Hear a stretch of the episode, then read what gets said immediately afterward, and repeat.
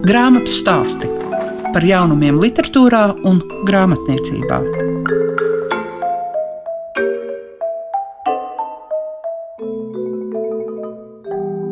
Ne tikai saturisko, bet arī vizuālo krāšņumu meklēsim šīs dienas grāmatu stāstos, ko veidojas Liega Piešiņa, un pievērsīsimies rakstu krājumam Modernieka stils. Jo nevelti Jūlijas Modernieks ir sacījis tādus vārdus - viegli izrunāt vārdu stils, bet viņu radīt mūža guvums. Kā arī atvērsim Eiropas Savienības literatūras balvas Lauras Vinogrādovas upi. Grāmatu stāsti tiem, kam grāmatu lasīšana ir vērtība. Grāmatu stāstos šodien atvērsim gan raibu, gan prātā paliekošu, un es domāju, ka arī lielai daļai zinošu grāmatu modernieka stils.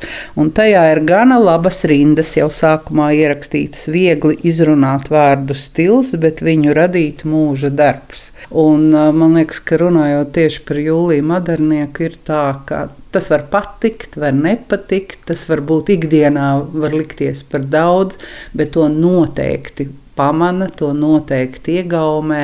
Un Inês Baranovska ļoti lepojas ar grāmatu, kas ir iznākusi gan latviešu, gan angļu valodās. Un jāsaka, ka tas ir muzeja izdevums, dekoratīvās mākslas un dizaina muzeja izdevums. Taču ne pārāk bieži jūs nonākat pie tā, ka pašiem ir jāizdod apjomīgi izdevumi. Mm. Mēs tomēr nu, pa, brīžam. pa brīžam to darām. Es teiktu, tā, ka ne tikai izstāžu kataloga, tā ir tāda regulāra, bet tomēr ir arī tāds grāmatu klāsts. Jo, manuprāt, katalogi dokumentē izstādi, bet grāmatas ir ilglaicīgākas un tāda plašāks spektrs. Un, protams, ko es gribētu uzsvērt, ka tā nav tikai grāmata. Tas ir tāds kopējs liels, liels projekts ar virsnosaukumu un virsuzdevumu atklāt Latvijas dizaina pirmsākumus, pirmavotus. Mums kādus gadus atpakaļ bija izstāde veltīta romānam Sutam, un e, noteikti jau tad mēs sākām domāt par nākamo varoni, un tas ir Jūlijas Madernieks. Tātad tas ir kompleksi, tā ir izstāde,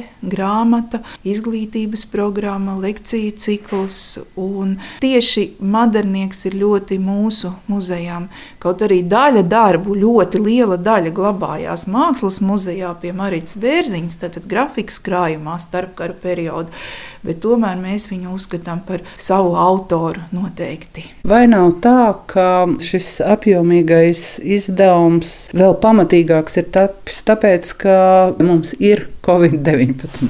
Nu, grāmatu struktūra jau bija iecerēta kompleksa. Mēs sniedzām arī valsts kultūra kapitāla fondā, kā valstiski nozīmīgs notikums, kur, protams, vienmēr ir mazliet par maz, tad vēlreiz sniedzām, bet kompleksi ideja bija tāda, bet kā mēs jau zinām, kad ir termiņi ar grāmatām, ar rakstītājiem, ar tekstu tulkotājiem, un tas viss ievelkās attēliem, un tas ir kolektīvs darbs. Un tiešām grāmatai ir zinātniski pētnieciski raksti, kuru autori ir mana kolēģi un izstādes kuratora Rūta Rinka ar diviem rakstiem, gan par modernieka personību, gan par mēbelēm un interjera dizainiem. Un tieši uzsvērt es gribētu, ka par mēbelēm un interjera dizainiem modernieka rūta ir ļoti liela, plaša pētniecības loku un jaunas, interesantas lietas ir atklātas. Tieši tāpat eh, pētniece Inta Pujāte par ornamentālām metamorfozēm, savukārt Gatis Vanaks par burtveidola dizainu un eh, Inese Širica par tekstilu metiem. Un vēl viens izcils modernieka aspekts, ko nedrīkst aizmirst, jo viņš ir tiešām tāds universāls renesanses cilvēks bijis. Gan mākslinieks, gan dizainers, gan pedagogs ļoti labs. Mīlēja mūziku un, un vispār tādas skaistas lietas dzīvē. Un vēl viņš bija arī mākslas kritiķis. Un savā mākslas kritikās viņš rakstīja, viņam bija ļoti labas zināšanas, kas notiek pasaulē, mākslas vēsturē, un neaprobežojās tikai ar stājumu mākslu vai dekoratīvu lietišķo mākslu, arī arhitektūru. Un viņam bija tiešām ļoti kritisks un laikmetīgs skats, un par to ir uzrakstījusi Stela Pelša, neoromantiskā kopiespaida meklētājs, mākslas kritiķis un publicists Julijas Madernieks. Grāmatā ir šie daudzie autori un daudzie aspekti. Daudzie aspekti un mēs tiešām ļoti, ļoti vēlējāmies tādu pētniecisku ieguldījumu, jo modernieku visi zina. Ja? bet eh, zina, nu, zina kaut kādu pa mazu, virsu. mazu gabaliņu un pa virsmu. Kaut arī tā padomu laikā, 1982. gadā izdotā Jūlija Madernieka monogrāfija Ināras novadnieces grāmata ir brīnišķīga. Viņa ir neskatoties uz visu šo tā laika ideoloģiju, tiešām ļoti nopietnas pētījums, bet ir pagājuši gandrīz pusgadsimts un, un tāds unikāls mākslinieks ar tik plašu darbu diapazonu ir pelnījis nopietnu izdevumu. Bet bet arī krāšņu, jo pats viņš mīlēja ornamentu un krāsainību. Mums ir pārliecība, ka modernieks ir tāds pasaules mēroga mākslinieks un vienkārši, diemžēl, vēsturisks peripetijas un mūsu geogrāfiskās situācijas. Mēs esam maza valsts un par modernieku nezinu, bet viņš ir tiešām pasaules līmeņa mākslinieks. Un tādēļ grāmatai tiešām visi teksti ir tulkoti bilingvāli angliski, un mēs grāmatu arī sūtām saviem partneriem, jo muzejam ir starptautisks partneru tīkls, un bija ļoti patīkami, ka, piemēram, no mūsu polijas partneriem jau, jau saņēmām ļoti tādus apsveikumu vārdus, un arī grāmatā tieši Ardeko stila pētniece Ilza Martinsone ir uzrakstījusi nepārāk garu, bet ļoti tādu asu rakstu, tādu savu skatījumu no šodienas perspektīvas perspektīvas eh, par globālo tautiskumu un modernieka vietu šajā visā kontekstā. Tātad mēs zinām, Rahards Zariņš, kas aizstāvēja ļoti šo precīzo etnogrāfijas mantojuma tālāk turpināšanu, un atkal Jūlijas Madernieks ar pilnīgi šo brīvo atraisīto interpretāciju. Un abiem ir taisnība, un abi ir mākslas muzejā, un abi ir varoņi, un tas ir brīnišķīgi, ka viss ir tik dažādi. Kompleksi šim projektam visam izstādē un grāmatai tika pieaicināti divi brīnišķīgi dizaineri Tā ir Dācis Džeriņa, kas ir veidojusi izstādes tēlu, un Mārtiņš Ratniks, kas ir veidojis gan izstādes grafisko identitāti, gan arī grāmatu soli pa solim. Un saņemot šo grāmatu, tad, kad tu strādā pie maketa un, un, un lasi un pārlasi, un tev ir tikai datora attēls, bet ir ļoti svarīga šī grāmatas sajūta. Mums ar Mārtiņu Ratniku tas ir otrs kopdarbs, un es jau sen gribēju ar viņu sastrādāties. Toreiz bija grāmata daba vide cilvēks, tas jau sen grāmatai ir jābūt tādai, lai būtu tas modernieka gars un taktilai. Un tiešām grāmatu turot rokās, yeah. ir šī, ko man arī Dārts Lambergs, man kolēģi, teica, ka viņi vēl nav iepazinusies ar saturu, bet grāmatā ir, ka moderniekam būtu paticis tā ir, kad mēs negribējām tādu akadēmisku, cietu, biezu, nopietnu grāmatu. Ir gana bieza, bet lai viņa elpotu, jo modernieks bija ļoti neparasts cilvēks. Jums jāizstāsta kāda epizode, lai notic arī tie, kas vai nu lasīs šo apjomīgo grāmatu, vai cerams, ka nāks uz izstādi, jo ir cerības, ka tiks pagarināts tās termiņš. Jā, mums šī cerība ir un pastāv, un mēs ļoti gribētu, ka tā tas būtu, un, un šobrīd jau ir. Vispār gribētos, lai muzeja atvērtos, jo es neredzu iemeslu, kādēļ mums neļauj atvērties. Es nesaprotu, vai tas ir kultūras nonivelēšana, bet par modernieku runājot, manā ievadrakstā ir viņa citāts. Brīnišķīgi, nu, jebkuru tur lasot, piemēram, Stēlas Pelšas materiālu, nu, priecāties, un mēs visi jāsaka, strādā jau viss muzeja kolektīvs pie šīs pēdējo gadu. Un uh, apbrīnojam Tur tā kā tādā zelta raktuvē rodas un rodas, un atrodas jaunas pērles, un modernieka citāti, un, un dažādi aspekti, kā uz to visu var palūkoties. Un tas interesantākais, kad procesā pirmoreiz tiekoties, Mārtiņš Ratnieks saka, nu kāpēc tas nosaukums modernieks stils, nu vai nav bišķiņ par ambiciozu? Un iedziļinoties, jā, šim meistaram to var pateikt, ne kuram katram, bet to rokrakstu var atpazīt, un, un tiešām tā viņa popularitāte bija gan starpkaru periodā, gan mēs ceram, ka arī tagad viņu novērtēs. Viņš nebija iekapsulējies savā laikā. Viņš dzīvo pāri laikam. Nu, un šis viens citāts par to latviešu un nelatvisko, par kuru nebeidzās šīs sarunas un disputi. Ļoti maldās tie, kas domā, ka verdziski atkārtojot etnogrāfiskos rakstus, viss jau sasniegts. Veicināta lietišķās mākslas attīstība. Tā kopēdami vien līdz apnikai, bez radoša gara līdzdalības, varam iekļūt nožēlojamā stāvoklī, ko lēti iztulkot par mūsu radošo spēju izsīkšanu, nabadzību. Vecie raksti noderīgi tikai kā izejas pamats, materiāls ierosinājums jaunradīšanai, bet ne vairāk. Ja šī atziņa būs skaidra, pārliecinoša, tad arī jaunradīšanai šķēršļus ceļā vairs nebūs. Katram laikmetam mākslā ir savas formu izpratne, sava īpatnējā laikmetiskā izteiksme, Ja tas tā nebūtu, tad arī mākslas vairs nebūtu. Māksla vienmēr ir dzīva, degoša, aug, veidojas pateicoties nemitīgām tieksmēm, atspoguļot kaut daļiņu no tā, ko mūžība par mūžību liek sajust, izteikt dvēselē. Īstenībā daba bija lielākais iedvesmas avots viņam, viņa daļradē noteikti. Tad tā pieredze, ko viņš redzēja pasaules mākslā, ko viņš mācījās, apguva, ceļoja, nemitīgi interesējās, bet viņš spēja nevis kopēt dabu, bet stilizēt un novest līdz abstrakcijai. Un īsnībā tur jau solis līdz konceptuālajai un abstraktai mākslai, tai ornamentā ko viņš vērtēja daudz augstāk par perfektu, piemēram, ainavu zīmējumu vai akvareli. To viņš pats arī ir atzīmis.